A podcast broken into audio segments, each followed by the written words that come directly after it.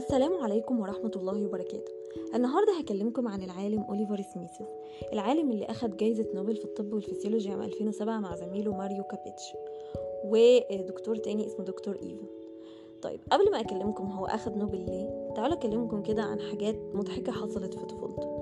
أولا أوليفر كان بيمتاز إن هو بيحب أي حاجة وبيحب يدور في كل حاجة وكان بيتكلم عن إن هو ما كانش حتى بيسيب basket الزبالة وكان بيدور فيه يمكن بيلاقي حاجة تفيده. وقال إن العادة دي متوارثة من جده لباباه ليه هو. انه وجده برضه لما كان بيلاقي ضوافر مرمية على الأرض كان بياخد كان بياخدها وكان بيطليها يمكن يستخدمها في حاجة تاني.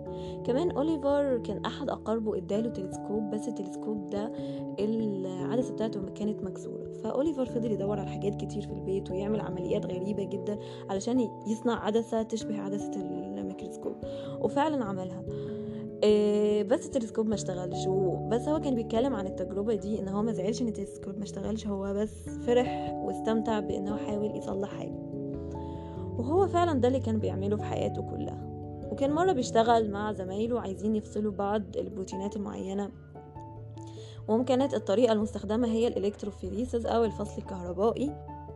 لكن أوليفر سميثيز قدر إن هو يستخدم مادة استخرجها من البطاطا في إن هو يستخرج البروتينات دي.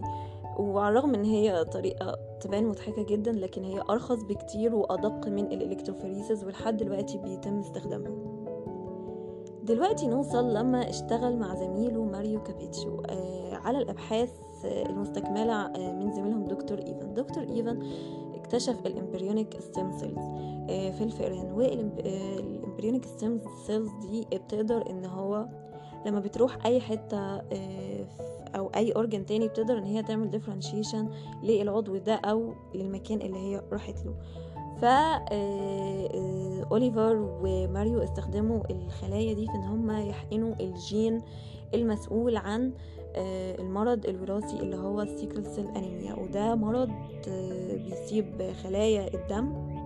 إن هو بيكون هيموجلوبين بس بشكل مختلف مش بيقدر إن هو يأدي وظيفته.